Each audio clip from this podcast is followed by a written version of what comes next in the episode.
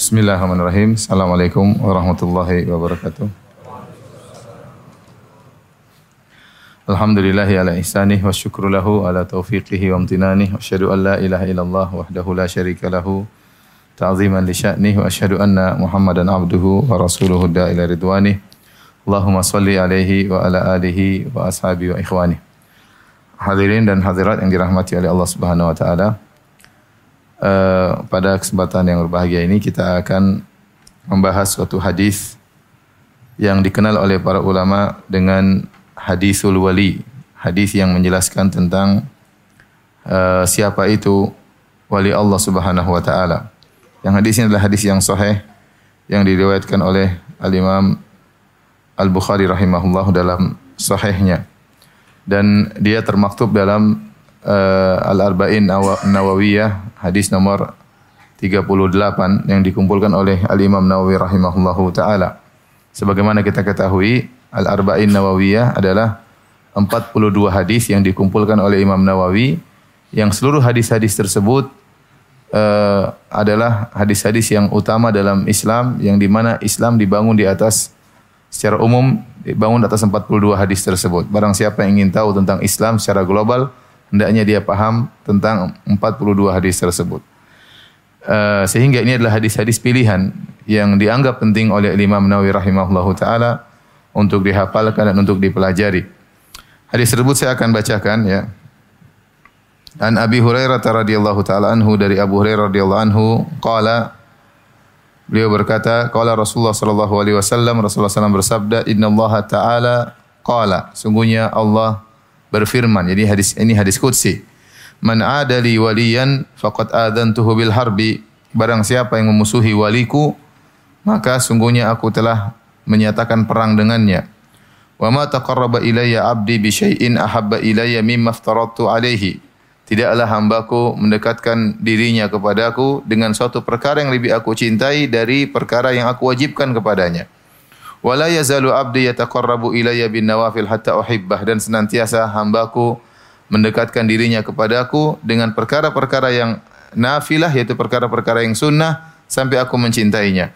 Fa idza ahbabtuhu jika aku sudah mencintainya, kuntu sam'ahu alladhi yasma'u bihi, maka aku menjadi pendengarannya yang dia mendengar dengannya, wa basarahu alladhi yubsiru bihi dan aku menjadi penglihatannya yang dengannya dia pun melihat, wa yadahu allati yabtishu biha dan aku menjadi tangannya yang dengannya dia pun memukul dengan tangannya, wa rijlahu allati yamshi biha dan aku menjadi kakinya yang dia berjalan dengan kaki tersebut, Wala in sa'alani la a'tiyannahu. Kalau aku kalau dia meminta kepadaku, sungguh akan aku kabulkan permohonannya.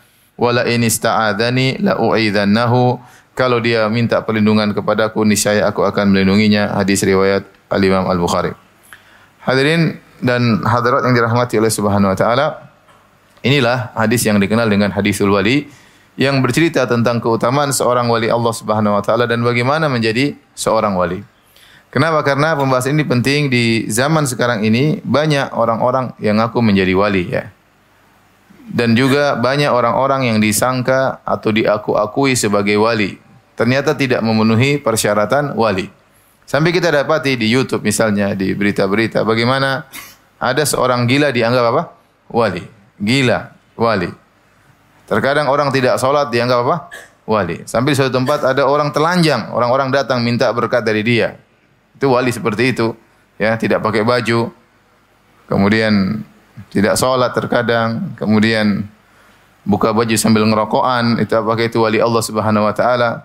Terkadang ganggu perempuan, megang macam-macam ya, apakah itu wali Allah Subhanahu wa taala? Ya.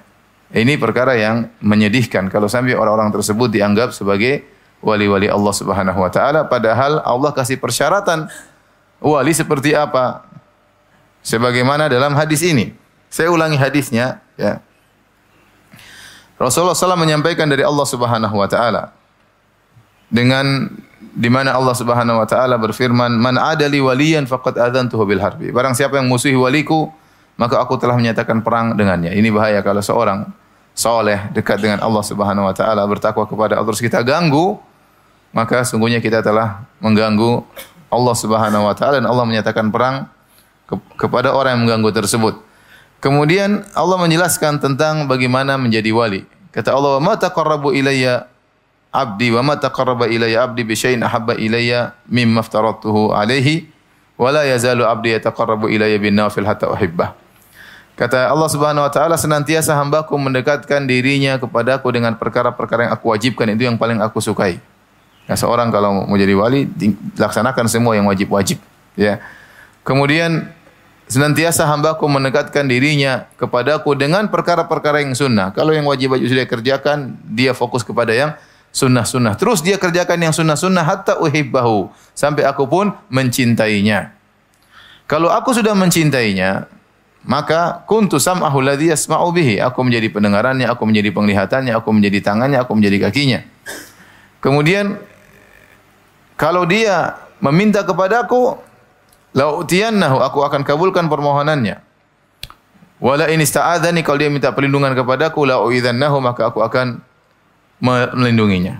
Ini di sini dalam hadis ini Allah menjelaskan satu-satunya cara untuk menjadi wali Allah Subhanahu wa taala yang wali tersebut adalah orang yang sangat mulia adalah dengan beribadah kepada Allah dengan ketaatan. Dengan menjalankan kewajiban-kewajiban dan menjalankan sunnah-sunnah Nabi sallallahu alaihi wasallam. Tidak ada jalan lain untuk menjadi wali Allah. Tidak ada menjadi wali Allah harus pergi ke gunung kemudian berdi, apa namanya bertapa di sana ya. Kemudian tidak ada jalan menjadi wali Allah kemudian harus apa potong kambing atau ayam hitam tiga ekor misalnya ya. Enggak ada. Tidak ada menjadi wali Allah harus pakai baju spesial, baju khusus warna hijau, kemudian pakai sorban khusus enggak ada. Cara jadi wali cuma satu.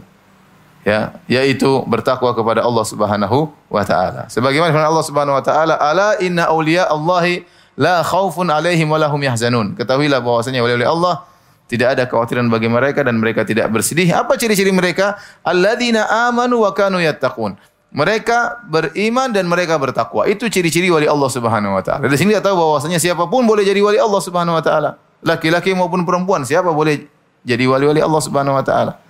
Ini adalah derajat yang bisa diraih oleh siapa saja. Bukan oleh suku tertentu, bukan oleh jenis Eh, kulit tertentu, warna kulit tertentu, ya bukan dari keturunan tertentu, enggak. Siapa pun boleh jadi jadi wali-wali Allah Subhanahu wa taala. Islam adalah agama yang mudah. Menjadi wali Allah silakan. Syaratnya bertakwa kepada Allah, beriman kepada Allah Subhanahu wa taala. Oleh karenanya tidak syarat bahwasanya seorang wali Allah harus dari suku tertentu, harus dari bangsa tertentu, harus warna kulit tertentu, tidak ada. Harus pakai baju tertentu, harus bertapa di mana, ya harus tidak ada ya. Tidak ada juga bahwasanya ya wali-wali Allah Subhanahu wa taala harus sakti, harus ini enggak ada ya. Wali Allah adalah beriman dan bertakwa. Bukan wali Allah harus terkenal tidak, harus tenar tidak ya. Siapa pun bisa menjadi wali-wali Allah yang penting dia beriman dan bertakwa kepada Allah Subhanahu wa taala. Maka dari sini kita tahu ya bahwasanya orang-orang yang menjadikan orang-orang gila sebagai wali-wali Allah Sungguhnya mereka menghina orang-orang soleh. Ya. Nah, orang mau jadi tawali nggak usah soleh, sudah jadi orang gila jadi apa? Jadi Iya orang Allah, bilang mau jadi wali harus bertakwa, salat, ibadah, ya bertakwa kepada Allah, ya baca Quran, zikir, bakti sama orang tua itu jadi wali Allah Subhanahu wa taala. Enggak ini menjadi wali Allah sudah yang penting gila, merokok, ya, macam-macam, wali majdub katanya. Wali apa? Majnun atau majnun yang benar? Allah alam. Ya, gimana? Gimana?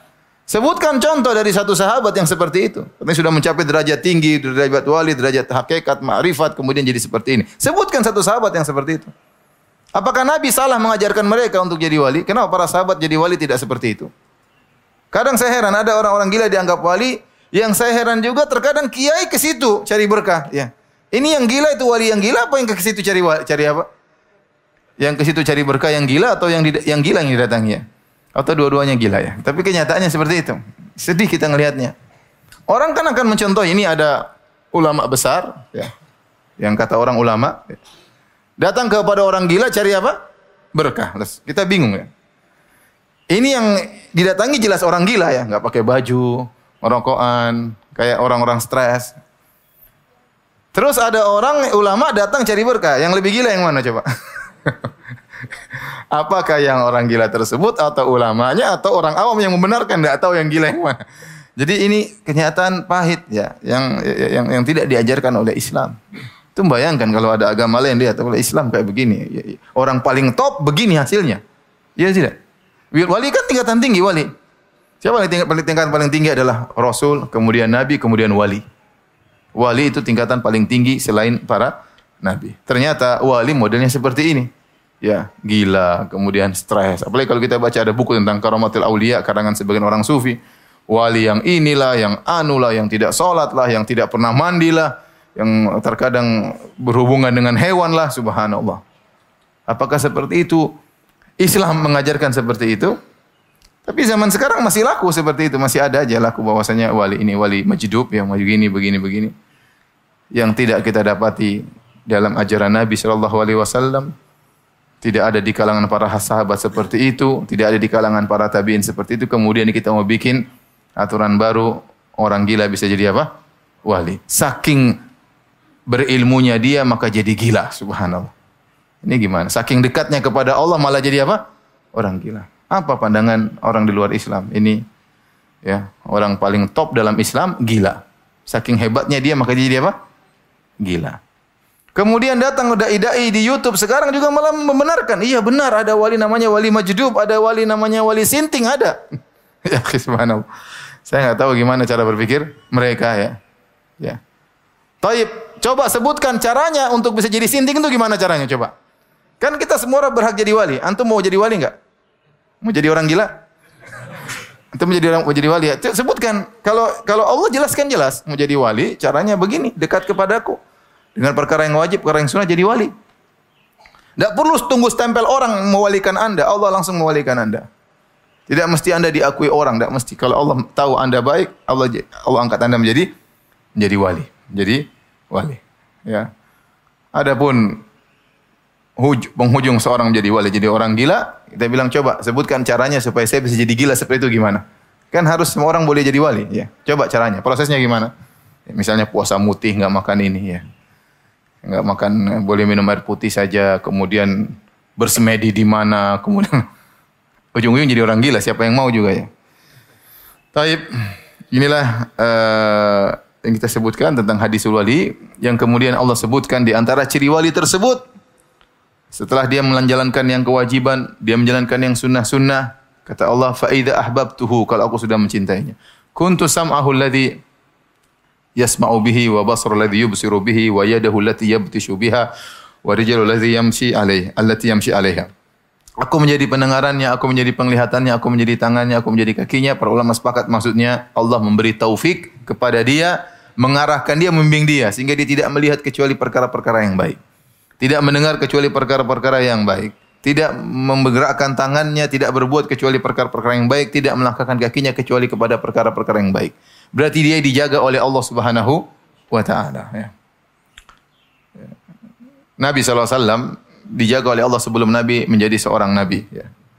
Bagaimana Nabi SAW waktu Rasulullah SAW ingin membangun Ka'bah, waktu Ka'bah direnovasi sekitar lima tahun sebelum Nabi menjadi Nabi, yaitu Nabi masih umurnya 35 tahun, maka orang-orang kafir Quraisy mengangkat batu untuk menyusun Ka'bah. Waktu Nabi berjalan sama pamannya Al-Abbas bin Abdul Muttalib, maka Al-Abbas bin Abdul Muttalib mengatakan, "Wahai Muhammad, kalau kau angkat sarungmu, taruh di atas pundakmu, kemudian letakkan batu biar mudah. Sementara kalau Nabi angkat sarungnya, diangkat taruh sini, maka auratnya akan kelihatan." Waktu Nabi, itu ide yang bagus daripada taruh batu di atas pundak dan itu berat dan itu bisa menyakiti bahu, maka Nabi ingin angkat sarungnya, tiba-tiba Allah jadikan Nabi apa? Pingsan. Itu Allah menjaga Nabi sallallahu alaihi wasallam. Demikian juga dalam riwayat disebutkan Nabi wasallam waktu sedang mengembalakan kambing. Waktu Nabi masih remaja. Kemudian Nabi wasallam bilang sama kawannya, "Tolong jaga kambing-kambingku, saya ingin ikut acara walimah. Saya dengar si fulan akan menikah dengan si fulanah di dalam kota." Ya. Maka Nabi berjalan malam-malam ke sana dari kejauhan terdengar musik-musikan. Kemudian Nabi mau masuk, tahu-tahu Nabi dibuat tertidur oleh Allah Subhanahu wa taala. Tahu-tahu bangun sudah matahari panas. Dia pulang temannya tanya, "Apa yang kau lakukan?" Enggak lakukan apa-apa. Saya cuma datang tidur tahu-tahu sudah bangun. Allah jaga. Jadi seperti itu kalau orang sudah menjadi wali Allah Subhanahu wa taala, sesuatu yang dia mau maksiat, Allah jaga. Dia mau berjalan ke tempat maksiat, Allah apa? Jaga. Dia mendengar yang haram, Allah buat dia gelisah. Dia melihat yang haram, Allah buat dia apa? Gelisah. Ya, itulah wali-wali Allah Subhanahu wa taala, ya. Maka saya bilang, sampai saya pernah sering dalam pengajian saya mengatakan, wali zaman sekarang orang yang dibimbing oleh Allah Subhanahu wa taala. Kalau ada pemuda menjaga pandangannya, tidak pernah melihat yang haram, maka itu wali Allah Subhanahu wa taala. Kalau ada orang-orang yang selalu salat lima waktu di masjid berjamaah, itulah wali Allah Subhanahu wa taala. Wali Allah bukan yang bisa terbang ya. Ya, kalau yang bisa terbang jadi wali Allah, Superman yang paling jadi wali. enggak, enggak ada wali wali Allah bukan begitu. Wali Allah Subhanahu wa taala bukan orang yang kemudian sakti mandraguna dan enggak. Enggak seperti itu. Ya. Jadi mudah wali mau jadi wali Allah bertakwa kepada Allah, menjalankan sunnah-sunnah Nabi Shallallahu Alaihi Wasallam. Wali Allah siapa? Orang yang ikhlas. Dia menyumbang sekian ratus juta, dia menyumbang miliar-miliar, dia tidak ingin orang tahu. Itu wali Allah Subhanahu wa taala. Kalau hanya berjalan di udara, di air menjadi wali Allah, setan juga bisa berjalan di atas air. Kalau terbang di udara menjadi wali Allah, setan lebih hebat terbangnya daripada kita. Bisa menjadi wali Allah. Tetapi wali Allah adalah seorang yang berinfak dengan tangan kanannya, ikhlas dia sembunyikan sampai-sampai tangan kirinya tidak tahu. Karena setan tidak ikhlas. Jadi hadirin hadirat Allah Subhanahu wa taala itu menjadi wali Allah bertakwa beriman, semakin banyak mendekatkan diri dengan perkara-perkara sunnah, maka dia menjadi wali Allah itu. Ala inna awliya Allahi la khaufun alaihim wa lahum yattaqun wa lahum yahzanun alladzina amanu wa kanu yattaqun yang beriman dan bertakwa kepada Allah Subhanahu wa taala. Kemudian apa natijahnya? Apa hasil tatkala seorang menjadi wali? Kata kata Allah Subhanahu wa taala, "Wala in sa'alani" kalau dia minta kepadaku, la utiyannahu, maka aku aku akan kabulkan permohonannya. Wala ini ista'adzani kalau dia minta perlindungan kepadaku la uidzannahu maka aku akan melindunginya. Oleh karenanya para ulama menyebutkan di antara ciri-ciri seorang wali dia mujabud doa. Kalau dia berdoa mudah dikabulkan oleh Allah Subhanahu wa taala. Mudah dikabulkan oleh Allah Subhanahu wa taala. Uh, sebagai contoh dalam Sahih Bukhari tentang kisah Rubayyi bintu Nadhar, saudaranya, saudarinya Anas bin Nadhar. Rubayyi binti Nadhar melakukan kesalahan, kasarat kasarat saniyata jariyah. Rubayyi binti Nadhar ini seorang sahabiyah dia mematahkan gigi salah seorang uh, remaja atau ya, uh, wanita yang lain. Maka kemudian dia bersalah. Akhirnya dia minta maaf dengan datang kepada keluarganya Rubai, datang kepada keluarga remaja tersebut, remaja wanita tersebut, minta maaf. Namun mereka tidak maafkan. Akhirnya mereka minta untuk memberikan ars yaitu ganti rugi berupa uang, ya. Mereka juga tidak maafkan. Mereka lapor kepada Nabi sallallahu alaihi wasallam. Akhirnya tidak ada keputusan kecuali kisos. Kisos yaitu sebagaimana Rubai mematahkan giginya, gigi Rubai juga harus dipatahkan. Rubai ini seorang wanita. Bagaimana dia mematahkan gigi seorang wanita, gigi juga dipatahkan. Maka sampailah kabar tersebut kepada saudaranya Anas bin Nadhar. Anas bin Nadhar ini seorang wali Allah Subhanahu wa taala yang disebutkan dalam sejarahnya mengikuti perang Uhud dan meninggal dalam Perang Uhud ditemukan di tubuhnya 80 lebih bekas luka antara pedang, tombak dan apa? panah di tubuhnya. Ya. Yang dia pernah berkata kepada kaum Ansar, ya, la udhra lakum ya an yakhlusa ila Rasulillah sallallahu alaihi wasallam wa fikum syafrun yatruf. Waktu itu dia sudah dalam kondisi mau meninggal dunia, sakaratul maut, maka ada seorang sahabat datang kepada dia, bagaimana kondisimu? Dia berkata, sampaikan kepada kaum Ansor. Tidak ada uzur bagi kalian. Kalau sampai Muhammad sallallahu alaihi wasallam terluka, sementara di antara kalian masih ada yang matanya bisa berkedip. Tidak boleh Nabi ter terganggu. Maka dia pun datang kepada Nabi sallallahu alaihi wasallam. Tahu adiknya atau saudarinya akan dikisos, dipatahkan giginya karena melakukan kesalahan. Maka dia mengatakan, Ya Rasulullah, atuksar saniyatu rubayya. Ya Rasulullah, apakah gigi saudariku akan dipatahkan. Kata Rasulullah SAW, al-qisas ya Anas. Ya Anas, ini keputusan kisas. Mereka tidak mau sudah minta maaf, tidak mau memaafkan, mau dikasih ganti rugi harta mereka tidak mau, maka tidak ada jalan al-qisas. Kitabullah, ini putusan Allah dalam Al-Quran harus dikisas. Maka Anas bin Nadhr berkata, Wallahi la tuksaru thaniyatuha. Demi Allah, kata Anas, gigi saudariku tidak akan dipatahkan. Kata, kata Rasulullah, ya Rasulullah, Ya, ya Anas, oh, kisah. Ya Anas, tidak bisa lagi. Cuma kisah kata dia, wallahi. Jadi dia bersumpah di hadapan Nabi. Demi Allah, itu gigi tidak akan dipatahkan. Rasulullah, ya Anas, demi Allah itu gigi tidak akan dipatahkan. Ini bersumpah, istilah Nabi bilang gini, dia bilang yang lain. Ternyata benar. Habis itu keluarga dari perempuan tadi memaafkan.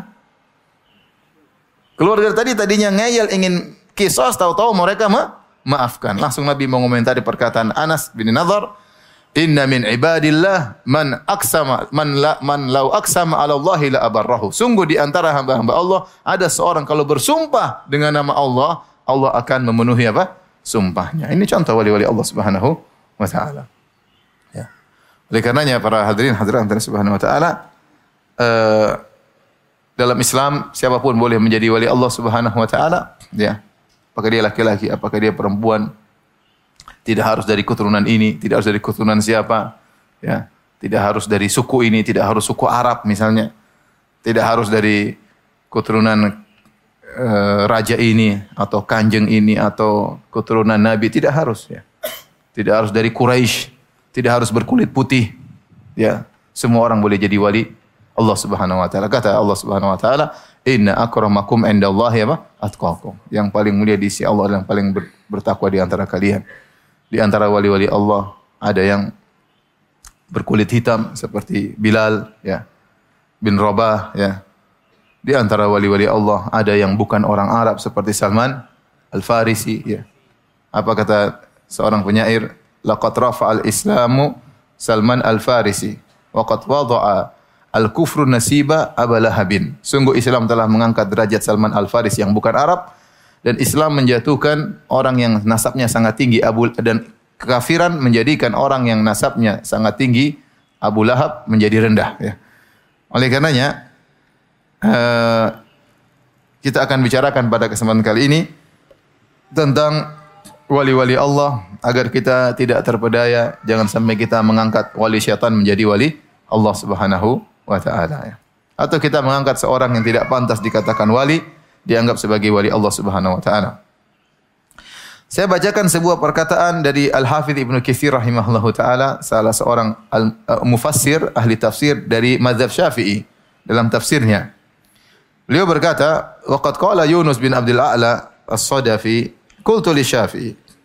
Sungguhnya Yunus bin Abdul A'la, muridnya Imam Syafi'i, berkata kepada Al-Imam Syafi'i rahimahullahu taala.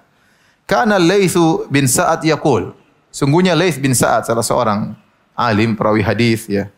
Dia berkata, jadi uh, Yunus bin Abdul A'la menukilkan perkataan Laits bin Sa'ad Laits bin Sa'ad kepada Imam Syafi'i. Wahai guruku Imam Syafi'i, sungguhnya Laits bin bin Sa'ad rahimahullah pernah berkata, Idza ra'aitumur rajula yamshi 'alal ma' fala taghtarru bihi hatta ta'ridu amrahu 'alal kitabi wa sunnah. Lais Lais bin Sa'ad pernah berkata, jika engkau melihat ada seorang berjalan di atas air, maka jangan terpedaya dengan orang tersebut. Sampai kalian timbang amalan dia di atas Al-Quran dan Sunnah. Ya. Karena ciri wali cuma satu, itu sesuai dengan Al-Quran apa? Sunnah. Taat kepada Allah, itulah wali Allah subhanahu wa ta'ala. Mau dia mau terbang, mau dia apa, mau dia jalan atas air, kata Laith, jika kalian melihat seorang berjalan di atas air, jangan terpedaya. Cek dulu, ada barometer. Allah kasih barometer yang jelas. Timbang amalan dia hatta ta'ridu amrahu alal kitab wa sunnah. Timbang dengan Al-Quran dan sunnah. Faqala Syafi'i, maka Imam Syafi'i rahimahullah berkomentar. Beliau berkata, qassara Laith rahimahullah. Masih kurang Laith, masih kurang. Bal idza ra'aitumur rajula yamshi 'alal ma wa yatiru fil hawa fala taktaru bi hatta ta'ridu amra al-kitab wa sunnah. Bahkan Lais masih kurang. Bahkan jika kalian melihat bukan cuma berjalan di atas air, bahkan kalian melihat dia terbang di udara. Ya. Maka jangan terpedaya dengannya sampai kalian timbang amalannya dengan Al-Quran dan Sunnah. Maka ini kaedah yang diletakkan oleh Imam Syafi'i, Imam Syafi'i rahimahullahu taala untuk mengetahui seorang wali Allah atau bukan timbang amalnya dengan Al-Quran apa? Dan Sunnah. Kita pernah ada di zaman kita seorang dianggap wali, Sementara fatwanya aneh-aneh. Mengatakan semua agama masuk surga. Subhanallah. Dianggap wali. Membenarkan pluralisme. Yang masuk Islam bukan cuma Islam saja yang bisa masuk surga. Ya. Agama-agama lain yang syirik-syirik juga boleh masuk apa? Surga. Ini apakah dia wali? Kemudian membolehkan misalnya uh, joget-joget yang menimbulkan hasrat dan uh, ya lainnya wanita joget di depan ditonton oleh orang banyak dengan baju seksi dan yang lainnya dibolehkan apakah ini wali Allah Subhanahu wa taala Tapi dianggap wali oleh Allah Subhanahu oleh orang-orang, dianggap wali oleh orang-orang. Nah, kita punya barometer yang kasih barometer siapa Imam Syafi'i. Ini wali atau bukan? Timbang perkataannya dengan Al-Qur'an dan Sunnah. Apakah dia ngomong begitu sesuai dengan Al-Qur'an Sunnah? Oh, kalau enggak berarti bukan wali Allah. Gampang. Mau dia mau sakti kayak apa pun, dia mau bikin langit biru jadi langit merah, kita agak percaya. Paham? Masih ada yang lebih sakti dari dia. Dajjal bukan wali Allah Subhanahu wa taala. Dajjal nanti datang lebih sakti daripada dia dan itu bukan wali Allah Subhanahu wa taala. Kemudian Al-Imam Ibnu Hajar rahimahullah taala dalam Fathul Bari berkata, ya.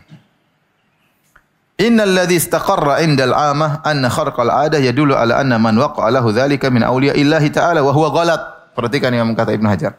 Yang terpatri di masyarakat umum bahwasanya siapa yang bisa melakukan suatu yang karomah kharqul ada bukan apa kharqul ada itu suatu yang aneh di luar kebiasaan kharqul ada yaitu melawan kebiasaan dia memiliki kelebihan yang yang tidak dimiliki oleh orang lain ya tiba-tiba bisa terbang tiba-tiba bisa loncat yang sangat jauh kebal ini kebal anu maka orang tersebut dianggap wali-wali Allah Subhanahu wa taala wa huwa ghalaton mimman yaqulu. Ini kesalahan orang yang berpendapat demikian. Kata Ibnu Hajar ini kesalahan. Fa innal khariqa qad yadhhar ala yadil mubtil. Kenapa? Karena ke keajaiban itu bisa muncul dari orang yang ahlul batil. Bukan cuma ahlul hak yang bisa melakukan keajaiban. Ahlul batil juga bisa melakukan ke, ke, ke, kebatilan. Min sahir, penyihir. Penyihir bisa sakti enggak? Sakti. Orang perutnya bisa dimasukin apa? E, panci dalam perut. Orang yang tadinya nggak suka, jadi suka sama, masya Allah sakti. Perempuan jadi suka sama dia. Ya. Lalu pakai susuk ke mana-mana jadi karismatik. Orang lihat apa? Karismatik, subhanallah. Dan itu benar, itu ada. Itu ada. Itu ada. Pasang susuk jadi lebih kelihatan cantik, lebih kelihatan seksi, lebih kelihatan gagah, ya. lebih karismatik. Orang jadi segan sama dia. Sihir. Sihir. Ya. Wakahin bisa bisa sihir, bisa dukun, dukun juga bisa apa? Sakti ya. Tahu-tahu barang hilang bisa ketemu ya enggak? Barang hilang bisa apa? Ketemu ya. Orang sakit mungkin bisa sembuh ya. ya penyihir ya, bisa. Dukun bisa. Warahib, pendeta juga terkadang bisa sakti ya. Padahal musyrik. Oleh karenanya keajaiban itu bukan ciri khas wali. Karena yang melakukannya bisa banyak orang. Bahkan tidak mesti wali punya keajaiban, nanti akan kita jelaskan. Akan kita jelaskan. Jadi maksud saya Ibnu Hajar sedang membantah pendapat orang-orang awam yang menyangka bahwasanya kalau orang sudah melakukan keajaiban berarti dia wali. Kata Ibnu Hajar bahwasanya ini tidak benar. Bahkan ahlul batil orang yang melakukan kebatilan, orang musyrik juga bisa melakukan apa? Melakukan keajaiban. Fayahtaju man yastadillu bidzalika ala wilayati auliya ilahi ta'ala ila farik. Kalau gitu harus ada pembeda yang lain. Wa aula ma dzakaruhu an yukhtabaru an yakhtabiru halu man waqa'a lahu dzalik fa in kana mutamassikan an yukhtabaru halu min waq man waqa'a dzalik lahu fa in kana mutamassikan bil awamir syar'iyyah wan nawahi kana dzalika alamatan alamata wilayatihi wa man la fala wa billahi taufik maka harus ada pembeda yang untuk membedakan mana wali Allah wali syaitan adalah dilihat bagaimana kondisi orang yang melakukan ke keajaiban tersebut. Apakah dia berpegang dengan perintah-perintah Allah dan menjauhi larangan-larangan Allah atau tidak? Kalau dia ternyata orang yang soleh, berpegang dengan perintah-perintah Allah, menjauhi larangan Allah, maka itulah wali Allah. Tapi kalau tidak, maka bukan. Kata Ibn Hajar, rahimahullahu ta'ala. Tapi kita praktekkan. Orang tadi yang gila tadi ya. Itu wali Allah atau bukan? Coba lihat. Apakah dia, dia gila. Gila aja tidak harus ke masjid. Gila jadi wali bagaimana ceritanya? nggak pakai baju di luar, ganggu-ganggu cewek jadi wali, ya. Kemudian mengatakan kalau ada cewek joget di depan panggung dengan gaya yang seksi boleh, itu dianggap wali. Gimana ceritanya? Hadirin dan hadirat yang Allah Subhanahu wa taala, oleh karenanya yang benar ya bahwasanya wali Allah Subhanahu wa taala cirinya sangat mudah yaitu orang yang beriman alladzina amanu wa kanu yattaqun, beriman kepada Allah dan bertakwa kepada Allah Subhanahu wa taala. Sebagai contoh real, saya akan sebutkan contoh wali yang pernah ada yang menggabungkan antara ketakwaan dan keajaiban. Di antara contoh wali tersebut adalah Umar bin Khattab radhiyallahu taala anhu. Ya. Karena dalam dalam Islam yang paling tinggi Rasul. Setelah itu apa? Nabi, baru kemudian apa? wali. Di antara contoh wali yang real adalah Umar bin Khattab radhiyallahu taala anhu. Kata Nabi sallallahu alaihi wasallam, "Laqad kana fi ma qablakum minal umami nasun muhaddatsun. Fa iyyakum min ummati ahadun fa innahu Umar." Sungguh pada orang-orang sebelum kalian ada sekelompok orang yang muhaddatsin tu mulhamun diberi ilham oleh Allah Subhanahu wa taala. Seandainya ada seorang pun dari umatku maka dia adalah Umar orang tersebut dan benar Umar itu mulham. Benar-benar beberapa kali dia punya ide kepada Nabi sampai disebutkan enam kali atau delapan kali punya ide Allah turunkan ayat setuju dengan apa? Idenya Umar bin Khattab radhiyallahu taala anhu. Bahkan terkadang terkadang idenya menyelisih ide Nabi SAW, maka Allah membenarkan Umar bin Khattab radhiyallahu taala anhu. Dalam dalam beberapa hal ya. Contoh sederhana seperti waktu Abdullah bin Ubay bin Salul meninggal dunia, tokoh munafik. Maka anaknya datang, "Ya Rasulullah, bapakku meninggal, tolong solatkan." Maka Nabi SAW dengan lapang dada, padahal orang munafikin waktu masih hidup suka mau Nabi. Dia mengatakan Rasulullah bapakku tidak punya kain untuk jadi kain kafan. Maka Rasulullah SAW kasih jubahnya untuk jadi kain kafan. Setelah itu Rasulullah SAW kemudian datang bersama para sahabat ingin sholat jenazah, padahal dia munafik. Waktu Nabi mau sholat, Umar tarik Nabi ya Rasulullah. Bukankah Allah melarang kita? Sholat terhadap orang munafik. In tastaghfir lahum aw la tastaghfir lahum In tastaghfir lahum sab'ina marratan fala yaghfirallahu lahum. Bukankah Allah mengatakan demikian? Kalau kalian mohon ampunan kepada mereka 70 kali atau tidak, Allah tidak akan ampuni mereka. Maka Nabi bantah Umar. Kata Nabi SAW dalam dalam Sahih Bukhari, Ya Ras, ya Umar, Allah memberikan aku pilihan. Dua-duanya baik. Mohon ampun, boleh, enggak juga boleh. 70 kali pun tidak diterima. Kalau seandainya permohonan ampunku bisa diterima lebih dari 70 kali, aku akan mohon ampunan buat Abdullah bin Ubay bin Salul. Maka Nabi langsung sholat jenazah. Allahu Akbar. Para sahabat juga ikut sholat. Ternyata Allah turunkan ayat membela Umar. Wala tusalli ala ahadi minhum mata abadan wala takum ala qabrih. Innahum kafaru billah. Kata Allah Subhanahu wa taala, jangan salat kepada orang munafik yang meninggal. Lihat, maksud saya dalam beberapa hal Umar bin Khattab radhiyallahu anhu disepakati oleh Allah, artinya ide dia disepakati oleh Allah dalam beberapa hal bahkan menyelisih Nabi sallallahu alaihi wasallam. Demikian dalam kisah perang, perang Badar dan banyak contohnya. Intinya dia seorang wali. Di antara bukti beliau seorang wali kata Nabi SAW, Inna Allah al haq ala lisani Umar, yantiku bihi. Sungguhnya Allah meletakkan kebenaran pada lisannya Umar, dia berbicara dengan kebenaran tersebut. Dan ini sesuai dengan hadis wali, yaitu ya Allah selalu membimbing sang wali. Bahkan dalam sebagian riwayat, kuntu lisanahu alladhi yantiqu bihi. Aku menjadi lisannya yang dia berbicara dengan lisan tersebut. Wa qalbahu alladhi yaqilu bihi dan aku menjadi hatinya yang dia berfikir dengannya tersebut. Ya. Buktinya Umar adalah wali, dia berbicara kebenaran karena Allah meletakkan kebenaran pada lisannya. Bahkan dalam hadis kata Nabi wasallam, "Lau kana nabiyyun ba'di kana Umar." Kalau boleh ada nabi setelahku maka Umar yang jadi nabi. Tapi na tidak ada nabi setelah setelah Nabi Muhammad SAW. Bahkan Nabi mengatakan setan takut kepada Umar. Kata Nabi SAW, Ya Ibn al-Khattab, walladhi nafsi biyadihi, ma laqiyaka syaitan, salikan, qad salikan fajjan, illa salaka fajjan goyro fajjik. Wahai Umar, demi Allah subhanahu wa ta'ala. Seandainya setan melihat kau jalan satu lorong, setan akan mencari lorong yang lain. Masya Allah. Kalau kita jalan, setan langsung nguruk, nguruk apa? rame-rame ngikuti kemudian menggoda kanan kiri ya.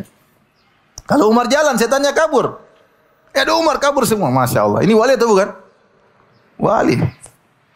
Siapa ragu tentang kewalian Umar? Dalam satu kisah tatkala Umar bin Khattab radhiyallahu mengirim suatu pasukan untuk berperang dan Umar Umar sedang khutbah. Tiba-tiba Allah menampakkan Allah bikin visual seakan-akan Umar lihat dari jauh. Mereka sedang berperang dan mereka dalam kondisi sulit. Maka Umar berkata, "Ya Sariyatul Jabal al-Jabala." Wahai Sariyah, Sariyah adalah pemimpin nama pemimpin uh, kelompok perang tersebut kata kata Umar, "Pergilah engkau ke arah gunung, pergilah berlindung ke arah gunung." Maka mereka mendengar suara tersebut ya, padahal jarak perjalanan sekitar sebulan. Mereka bilang kami mendengar suara Umar dan benar Umar diperlihatkan oleh Umar berbicara. Ini wali atau bukan? Wali Umar tidak telepon, angkat angkat di telepon enggak? Tapi Umar melihat langsung Umar berbicara dan mereka langsung dengar. Ini wali atau bukan? Wali. Baik. Ini contoh wali Allah Subhanahu wa taala yang pernah ada dan hidup di zaman Nabi dan telah direkomendasi sebagai wali. Bahkan dijamin masuk surga. Kata Nabi SAW, Abu Bakar fil jannah, Umar fil jannah. Abu Bakar di surga, Umar di surga. Nabi pernah berkata, "Iktadu billadaini min ba'di Abi Bakr wa Umar." Ikutilah dua orang setelahku, yaitu Abu Bakar dan apa? Dan Umar. Makanya Imam Syafi'i waktu ditanya, "Ya Syafi'i, apakah seorang dilarang tatkala umrah boleh tidak boleh membunuh tawon?" Kata Imam Syafi'i, "Boleh." Boleh membunuh tawon karena mengganggu. Kenapa? Kata Imam Syafi'i rahimahullah, karena Allah berfirman, "Wa ma atakumur rasul fakhudhu." Apa yang Rasulullah perintahkan, maka ambillah. Wa mana hakum anhu fantahu. Apa yang Rasulullah larang maka tinggalkanlah. Dan di antara perintah Rasulullah SAW, iktadu billadaini min ba'di. Ikutilah dua orang setelahku Abu Bakar dan Umar. Dan Umar pernah membolehkan membunuh apa? Tawon bagi orang yang sedang umrah. Bayangkan. Siapa yang bilang begitu? Imam Syah? Imam Syafi'i. Jadi, tidak ada yang ragu bahasanya Umar adalah wali Allah Subhanahu wa taala. Tapi kita sekarang lihat bagaimana sifat Umar. Apakah Umar gila? Apakah Umar ngerokokan? Apakah Umar buka baju di jalan? Ya. Apakah Umar terima orang datang cari-cari berkah gini-gini? Ya, ya. Apakah Umar demikian? Apakah Umar tidak sholat? Ya. Ataukah dia seorang yang paling bertakwa kepada Allah? Bahkan meninggal tatkala sedang sholat apa? Subuh jadi imam. Ya. Umar bin Khattab radhiyallahu taala anhu. Ya. Ini contoh wali Allah Subhanahu wa taala. Ternyata orang yang paling bertakwa kepada Allah Subhanahu taala, yang paling takut kepada azab Allah Subhanahu wa taala. Orang yang tidak pede, makanya Umar waktu melihat dia tidak pede, tidak pede. Padahal Nabi sudah jamin dia masuk surga. Tapi dia tidak pernah merasa masuk surga.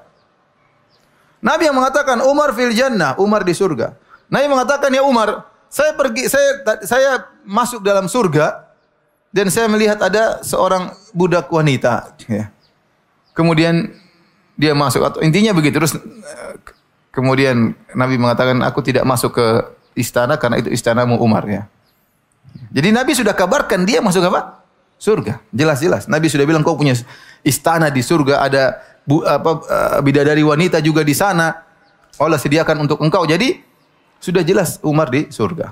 Tetapi ketika Nabi SAW sudah meninggal dunia, Nabi sempat mengabarkan kepada Hudzaifah ibnul Yaman tentang nama-nama orang munafik. Maka setiap ada orang meninggal, Umar lihat apakah Hudzaifah menyolatkannya atau tidak. Kalau Hudzaifah menyolatkan berarti dia bukan orang munafik. Kalau Hudzaifah tidak menyolatkan maka itu berarti orang munafik. Satu hari Umar melihat Hudzaifah tatkala ada jenazah. Apa disolatkan atau tidak? Setelah itu Umar bertanya kepada Hudzaifah, "Ya Hudzaifah, hal sammani?" Nabi SAW mimman sammahum minal munafiqin ya Hudzaifah. Apakah Nabi pernah menyebut namaku termasuk orang-orang munafik? Kata Hudzaifah, tidak ya Umar. Artinya dia tidak pernah pede. Bahkan dia khawatir jangan-jangan dia termasuk dari apa orang? Orang munafik. Waktu Umar bin Khattab meninggal dunia, waktu dia ditusuk tiga kali sampai setiap dia makan maka keluar semua isi apa yang dia makan, maka dia terbaring di tempat tidurnya datang seorang pemuda memuji Umar. Ya Umar, engkau adalah orang gini, engkau begini, sahabat Nabi, engkau begini, kebaikan banyak. Kata Umar, kafafan. Saya hanya berharap saya ketemu Allah impas ya. Ya, Artinya pujian-pujian yang saya lakukan, yang penting saya selamat dari apa? Neraka jahanam. Dia tidak mengatakan, oh iya, memang saya, Nabi sudah bilang saya mau surga. Nah, tidak ada sama sekali. Apalagi bilang, saya akan ajak kamu ke surga. Ya gimana? Tenang, pintu surga, saya tidak akan masuk sampai semua muridku masuk dulu, baru saya masuk surga. Subhanallah. Ente siapa ente? Bilang sama murid-murid, bahwasanya saya tidak mau masuk surga, saya murid-murid saya semua sudah masuk. Seakan-akan ente bisa jamin semua murid masuk. Ente siapa? Nabi SAW saja menunggu di surat Allahumma salim salim. Ya Allah selamatkan, selamatkan. Dan banyak umat yang masuk dalam neraka jahanam. Nabi saja memberi syafaat. Sujud dulu lama. Tidak bisa langsung kasih syafaat. Sujud dulu lama. Sujud memuji Allah baru Allah izinkan. Ya Muhammad irfa ra'sak. Angkat kepala. Itu Rasulullah SAW. Ini kemudian satu orang mengatakan di Youtube. Kemudian bicara dengan enaknya. Tenang, nanti murid-murid saya saya tidak akan masuk surga sampai murid saya semua masuk surga dulu. Subhanallah. Orang semakin semangat belajar sama dia karena sudah kunci surga sudah dipegang sama gurunya. Nanti semua sudah masuk, dia mau masuk, Allah tutup pintu surga. Mampus loh. ya, apa, apakah Islam mengajarkan? Lihat, mereka orang-orang soleh tidak tidak pede masuk surga. Mereka tahu bagaimana agungnya Allah, bagaimana dahsyatnya hari kiamat. Siapa saya mau ngotot-ngotot hari kiamat? Ya. Enggak ada. Nanti pokoknya sidang kamu yang di luar di sidang di hari kiamat. Subhanallah, ente mau ngatur hari kiamat. Ngatur-ngatur Allah, ente di dunia sih tidak bisa ngatur presiden. Ente tidak bisa ngatur gubernur. Ente mau ngatur Allah, yang ini di sidang di luar, ini belakangan. Ente siapa ya, akhi? Jadi para hadirin hadirin Allah Subhanahu wa taala, Umar bin Khattab di masuk surga dia tidak pernah pede masuk surga. Tidak pernah merasa bahwasanya saya pasti masuk surga, apalagi menjamin surga bagi orang, apalagi gandeng tangan orang menuju apa? Surga. Tidak pernah. Itu Umar bin Khattab radhiyallahu taala. Makanya Allah mengatakan tentang wali-wali Allah sifat mereka, "Fala tuzakku anfusakum, huwa a'lamu biman ittaqa." Janganlah kalian merekomendasi diri kalian, saya begini, saya begini. Allah lebih tahu siapa yang paling ber bertakwa. Ya, tidak boleh saya begini, saya begini. Ya, itu bukan ciri-ciri wali Allah. Tidak ada kesombongan sedikit pun dalam diri mereka. Mereka takut. Mereka tidak pede dengan amal yang mereka lakukan. Mereka tidak pernah ujub dengan apa yang mereka lakukan. Mereka tidak pernah ujub dengan ilmu mereka. Mereka tidak pernah ujub dengan sedekah mereka. Mereka tidak pernah ujub dengan solat malam mereka. Mereka tidak pernah ujub dengan hafalan mereka. Mereka selalu takut kepada Allah Subhanahu wa taala. Meskipun Umar bin Khattab radhiyallahu anhu adalah seorang wali Allah. Bahkan kata Nabi seandainya ada Nabi setelahku dia adalah Umar. Bahkan Allah meletakkan kebenaran pada lisan Umar. Dia ngomong dengan kebenaran tersebut. Ternyata wali Allah tidak harus maksum. Yang maksum cuma siapa? Nabi Shallallahu Alaihi Wasallam. Yang yang maksum cuma Nabi Shallallahu Alaihi Wasallam. Adapun selain Nabi tempatnya salah dan benar kata Al Imam Malik rahimahullah taala kullun yu'khadhu min qawli wa yurad ila sahib hadil qabr semua orang boleh diambil perkataannya dan boleh ditolak perkataannya. Siapa pun dia juga. Itu Imam Malik, gurunya Imam Syafi'i ngomong begitu. Mau Syafi'i, mau Malik, mau Ahmad, mau Abu Hanifah, apalagi cuma kiai, apalagi cuma gus, apalagi cuma ustad, ya. Semuanya boleh diambil perkataannya dan boleh dilemparkan. Harus ditimbang Al-Quran dan, dan Sunnah. Yang tidak boleh ditolak cuma Nabi Shallallahu Alaihi Wasallam. Oleh karenanya Umar bin Khattab, meskipun dia seorang wali, dia pernah salah. Dan dia salah dalam beberapa kejadian. Contohnya, Beliau salah tatkala peristiwa Hudaybiyah. Waktu Nabi SAW, ya, kisah ma'ruf tentang perjanjian Hudaybiyah. Intinya Nabi SAW keluar dengan sekitar 1.400 orang ingin berumrah pada tahun 6 Hijriah. Jadi setelah 6 tahun Nabi diusir dari kota Mekah. Yaitu 6 tahun Nabi tidak pernah lihat Ka'bah. Maka Nabi rindu. Kemudian Nabi bermimpi Nabi umrah. Maka Nabi menyangka tahun tersebut beliau akan umrah. Maka beliau mengajak 1.400 orang. Semuanya berangkat sampai ternyata sudah mau masuk di Mekah ditahan oleh di Hudaybiyah itu di uh, apa namanya perbatasan tanah suci dihadang oleh orang Quraisy. Intinya dilarang untuk umroh, ditunda umrohnya tahun depan. Para sahabat sudah semangat jalan jauh-jauh 400 kilo, ingin apa? Umroh. Kemudian sudah mau tinggal masuk dilarang, gimana nggak jengkel ya? Tinggal sebentar lagi sampai Hudaybiyah kita kira tinggal 20 kilo. Dan itu tanah batas, batas tanah haram terjauh. Tinggal sedikit lagi masuk dan umrah selesai. Kerinduan enam tahun sudah mereka lepaskan. Sudah mau masuk, tahu-tahu dihadang oleh orang-orang Quraisy. Kemudian terjadi suatu perjanjian bahwasanya mereka harus pulang dan umrohnya tahun depan. Maka saat itu Umar tidak terima.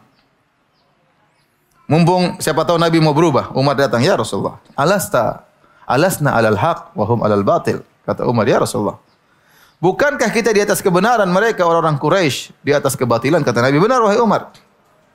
Umar berkata lagi, "Alaisa qatlana fil jannah wa qatlahum fin nar?" Ya Rasulullah, bukankah kalau kita perang sama mereka, kita meninggal kita masuk surga, mereka mampus masuk neraka? Kata Nabi benar. Kata Umar, "Falima nu'ti daniyata fi dinina?" Kalau gitu ngapain kita ngalah? Kita perang aja Rasulullah. Rasulullah mengatakan, "Enggak. Ini Rasul, saya utusan Allah Subhanahu wa taala." Subhanallah. Umar masih belum puas. Artinya semoga Rasulullah merubah pikirannya. Maka dia datang kepada Abu Bakar, "Ya Abu Bakar, dia cari dukungan. Bukankah kita sama? Bukankah kita di atas kebenaran mereka kebatilan kata Abu Bakar ya benar. Bukankah kalau kita mati masuk surga mereka mampus masuk neraka kata Abu Bakar ya benar. Terus kenapa kita ngalah? Kata Abu Bakar, "Innahu Rasulullah." Itu yang ngomong Rasulullah, tidak mungkin salah. Ternyata yang benar siapa? Rasulullah wasallam. Ternyata perjanjian Hudaybiyah tersebut ngalahnya Nabi mengakibatkan dampak yang luar luar biasa. Dalam waktu dua tahun ternyata ada enam ribu orang masuk Islam dalam waktu singkat. Yang, yang Nabi berdakwah sampai belasan tahun cuma sedikit itu dalam waktu dua tahun sampai enam ribu orang kalau tidak salah masuk apa? Masuk Islam. Intinya Umar salah.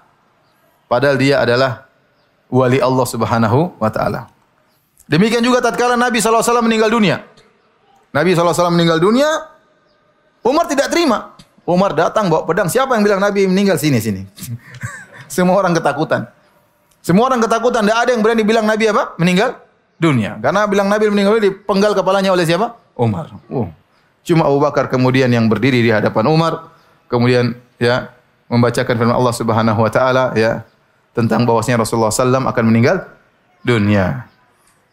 Wa ma Muhammadun illa rasulun qad khalat min qablihi rus min qablihi rusul afa immata au qutilan qalabatum ala wa ya Umar Allah telah berfirman tidaklah Muhammad kecuali hanyalah seorang rasul telah berlalu rasul-rasul sebelumnya. Sebagaimana rasul-rasul sebelumnya meninggal dunia dia juga akan apa? Meninggal dunia. Maka Umar langsung terjatuh mendengar ayat tersebut. Kali ini yang benar Abu Bakar atau Umar?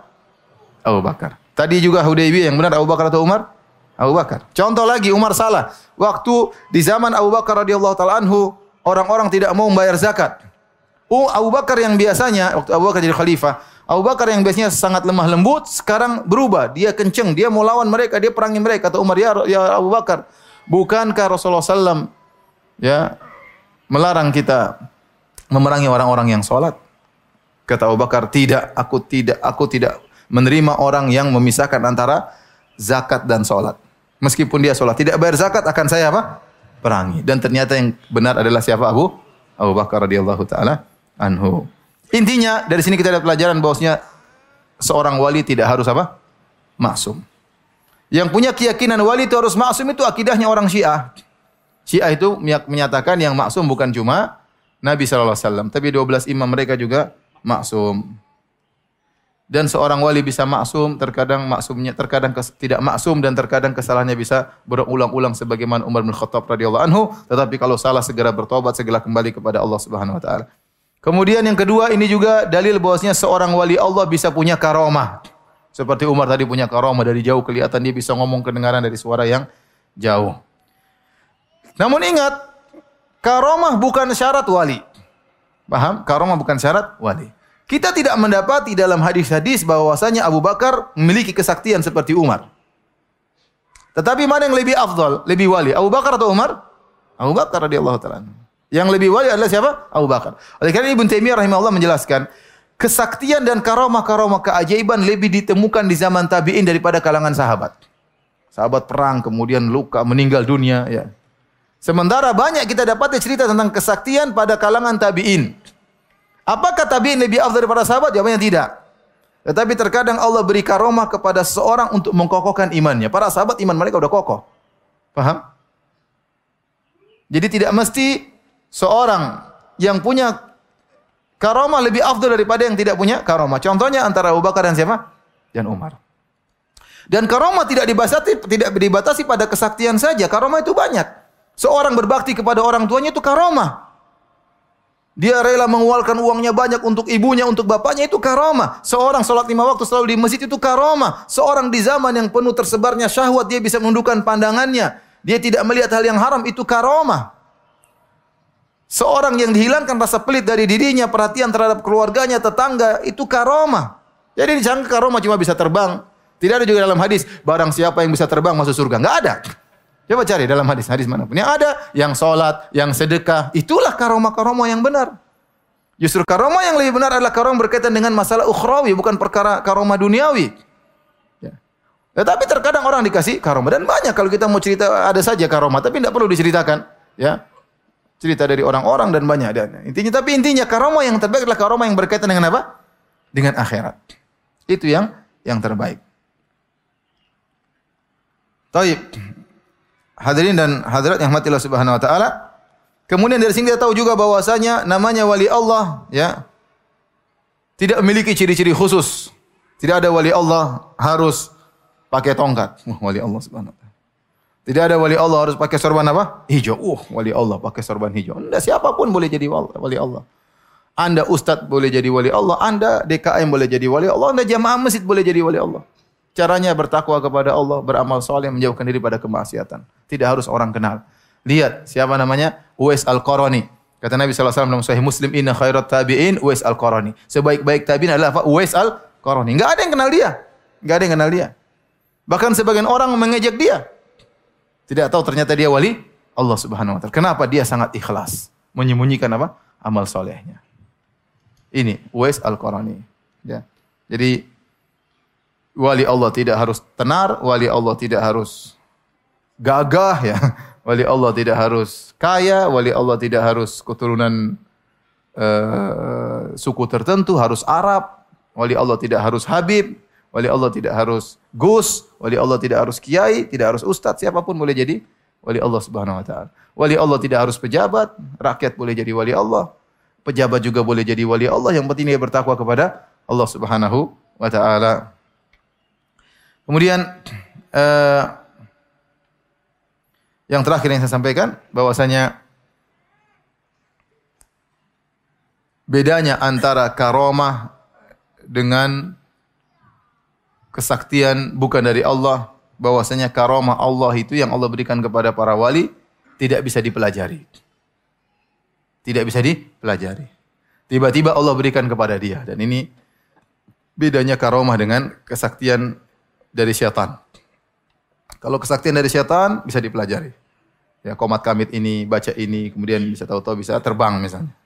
Ya, kalau karomah anda Allah berikan kepada Allah yang kehendaki, Allah cabut kapan saja juga terserah yang Allah kehendaki. Tiba-tiba dia doanya dikabulkan. Tiba-tiba ya seperti sahabat tiba-tiba berjalan ke kegelapan Allah berikan cahaya sehingga dia berjalan.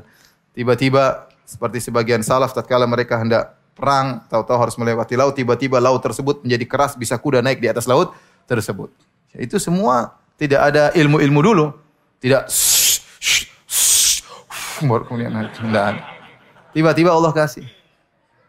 Ya. Khalid bin Walid waktu di orang orang Romawi, kalau kau wali Allah coba minum racun ini. minum racun. Orang itu langsung masuk Islam. Dia berdoa bismillah racun ini tidak tidak mempengaruhi. Dia minum Khalid bin Walid. Kalau antum ilmunya belum sampai jangan coba-coba. Tidak ada wali Allah kemudian ya digiling apa mobil nggak apa-apa itu wali Allah. Itu setan itu. Seperti kejadian kemarin nonton di berita ada yang satu meninggal dunia. Karena mungkin pas terlalu berat mungkin setannya kabur ya udah kelindes. Nah, seperti orang bikin praktek ini bikin kesaktian. Tolong ya jangan ada yang ganggu ya. Lah ini, ini karomah atau bukan? Jangan ganggu ya. Kita sama-sama cari rezeki katanya. Saya pernah hadir seperti itu. Ya, ini hadir. Ya itu gimana? Ini bukan. Jadi nggak ada Islam itu mudah. Ada orang mau jadi wali Allah naik bertapa bikin ruangan di atas rumah. Nggak mau makan, nggak mau minum. Nanti kalau dia dikasih tali, kalau digerakin dari bawah masih balas, berarti nggak usah diantar minum. Terus dia kuat 40 hari. Tapi itu apa wali Allah? Bukan. Memang jadi wali Allah harus begitu. Tidak ada. Umar jadi wali Allah begitu caranya nggak ada. Abu Bakar itu Utsman bin Affan, Abdurrahman bin Auf nggak ada. Mereka jadi wali Allah dengan solat, dengan berjihad, dengan sedekah, dengan, semua amal soleh. Bukan dengan apa bertapa di, di kamar 40 hari, ya kasih tali. Kalau lapar dia goyang-goyang. Kalau selama dia nggak goyang, dan itu ada ya orang melakukan demikian. Jadi inilah para hadirin hadirat Allah Subhanahu wa taala. Siapa pun di antara Anda boleh jadi wali-wali Allah Subhanahu wa taala dan tidak perlu stempel dari orang Anda adalah wali Allah. Semakin Anda dekat kepada Allah, maka kewalian Anda semakin tinggi. Semakin Anda jauh dari Allah, semakin banyak maksiat, maka Anda semakin jauh dari perwalian. Ya, semoga Allah Subhanahu wa taala mengampuni dosa-dosa kita dan semoga Allah menjadikan kita wali-wali Allah Subhanahu wa taala. Kalau ada yang bertanya saya persilakan.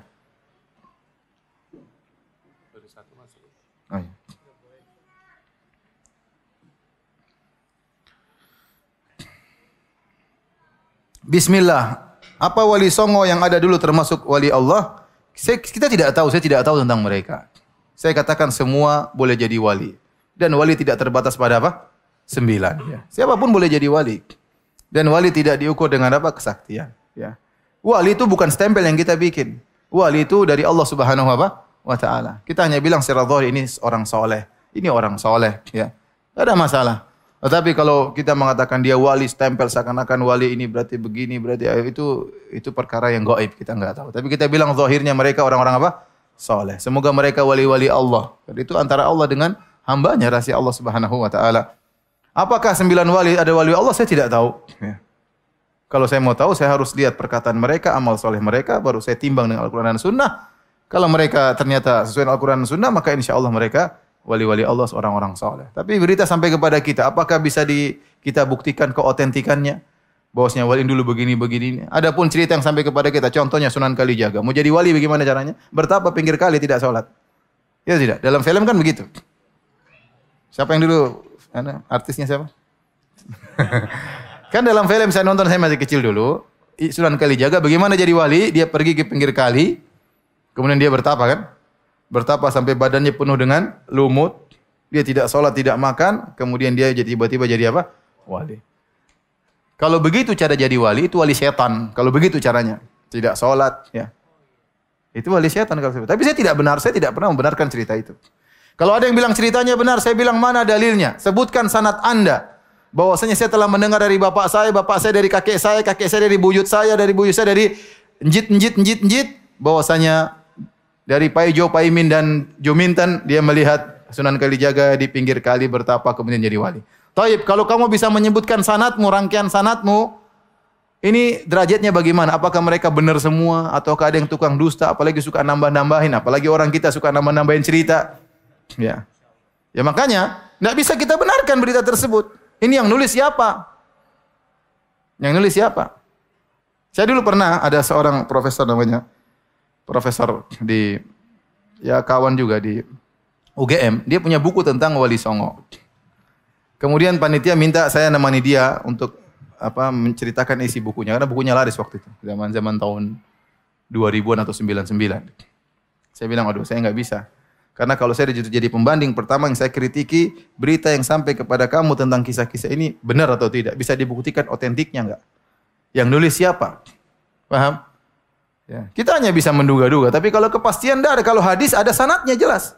Saya bilang ini benar. Sanatnya bisa diperiksa. Kalau doif, doif. Kalau palsu, palsu.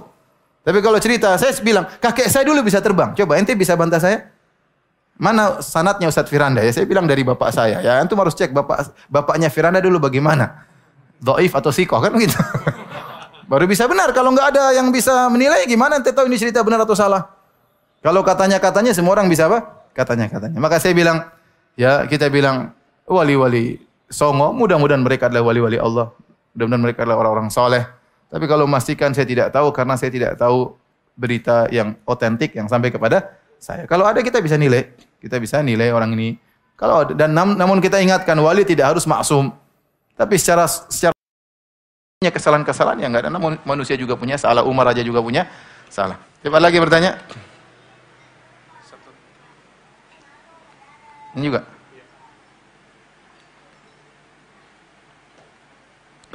Ustadz, mohon nasihatnya untuk panitia panitia kajian agar lurus niatnya dan tidak terkena riak.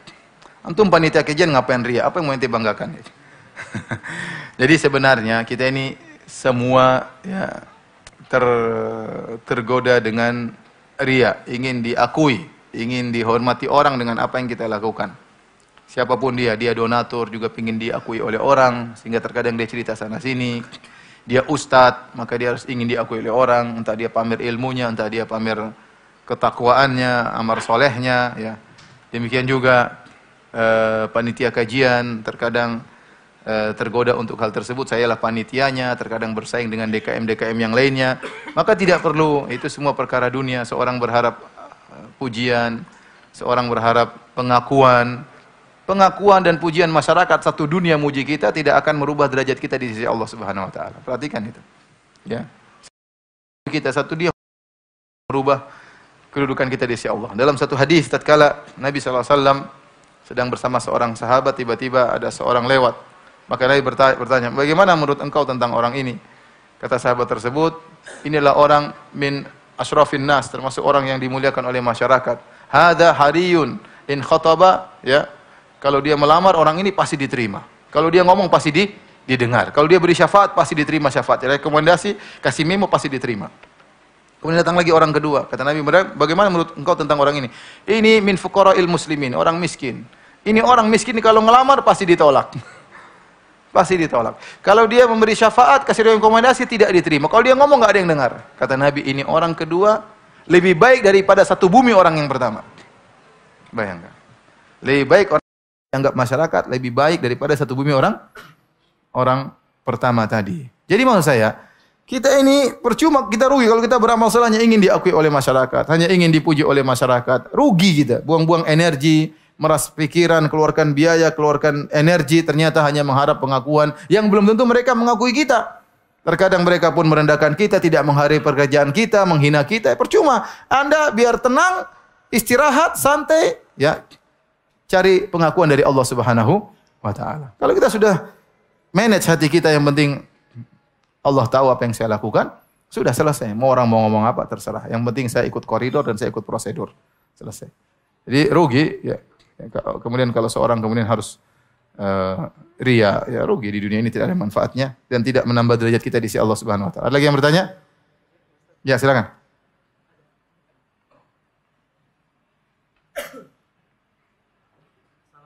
Assalamualaikum warahmatullahi wabarakatuh. Waalaikumsalam warahmatullahi wabarakatuh. Uh, di suatu hadis ada cerita kalau misalnya kita memintalah fatwa kepada Allah. Kalau hatimu tentram maka, maka itu apa namanya jawab. Istafti qalbak itu Betul. bertanya kepada hatimu. Nah, saya merujuk saya minta pendapatnya Ustaz. Karena ini merujuk soal soal di surat Ar-Rad itu sendiri karena kalau kita mengingat Allah, maka hati hanya mengingat Allah lah hati menjadi tentram. Apakah benar-benar kalau misalnya hati tentram itu emang benar-benar dari Allah gitu? Terima kasih. Karena kalau kita emang dalam keadaan sendiri kita meminta fatwa eh, nggak bisa ada yang kita minta fatwa maka kita seperti itu. Itu hadis istafti qalbak bertanya pada hatimu atau apa namanya al ismu uh, eh, mahaka fi sadrik. Dosa itu yang buat hatimu gelisah. Ya, adapun kalau itu kebenaran maka hati akan menjadi tenang. Maksudnya, ya, uh, para ulama mengatakan sebenarnya dalam diri manusia ada naluri. Ya, Allah kasih sinyal ini baik atau buruk. Terkadang kita nggak tahu hukumnya, tapi kita kok gelisah. Itu contoh bahwa ini siapa tahu ini bermasalah. Meskipun kita belum tanya kepada para ustadz, belum tanya kepada para ulama. Tapi tidak boleh kita tahu hukum dengan perasaan kita sendiri, nggak boleh. Maksud saya kita harus tanya. Kata Allah Subhanahu wa taala, "Fas'alu ahla dzikri in kuntum la ta'lamun." Bertanyalah kepada uh, orang berilmu jika kalian tidak mengetahui. Namun terkadang dalam satu kondisi kita belum tanya pada orang tiba-tiba hati kita gelisah. Ini ini maha kafi sadri kata Nabi namanya dosa itu yang apa? Buat kau tidak tidak tenang. Adapun kalau benar hati kita kuat tenteram, tapi kita harus pastikan dulu tanya benar atau tidak. Ya. Tidak boleh kita nggak usah tanya orang kemudian ah saya tanya. Berarti kita jadi orang alim dong. Enggak ya bahasa Arab aja nggak bisa misalnya. ya begitu maksudnya. Taib, ada lagi yang bertanya? Silakan. Ada ada mic tolong dikasih Bapak. Silakan, Pak. Ya, sama-sama, Pak.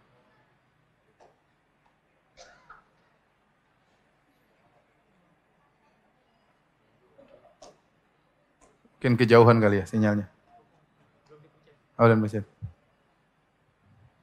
Anda mau tanya Pak Ustadz? Ya, ya Pak. Ah, saya uh, sudah dua, dua minggu dapat sakit tangan.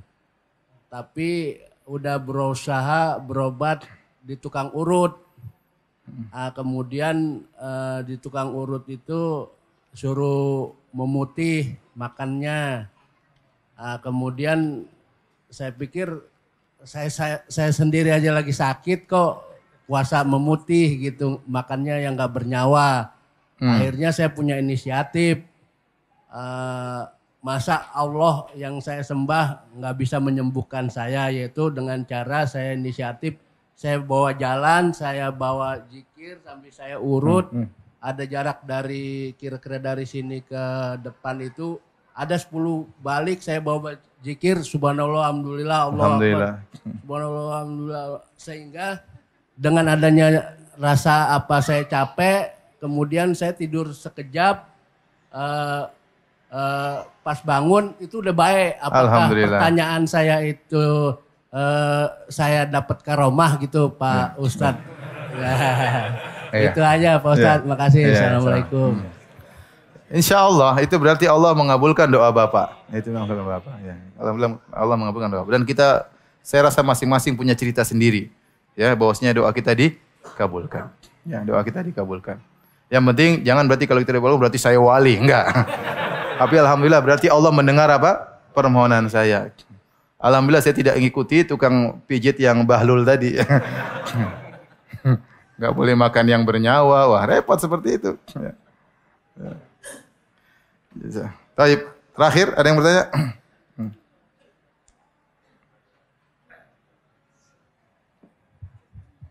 Bismillah. Assalamualaikum warahmatullahi wabarakatuh. Ustaz. Waalaikumsalam warahmatullahi wabarakatuh. Ana buat tanya bagaimana Ustaz menyikapi eh, teman, teman-teman dekat yang belum pernah sunnah uh, masalah tentang wali ini?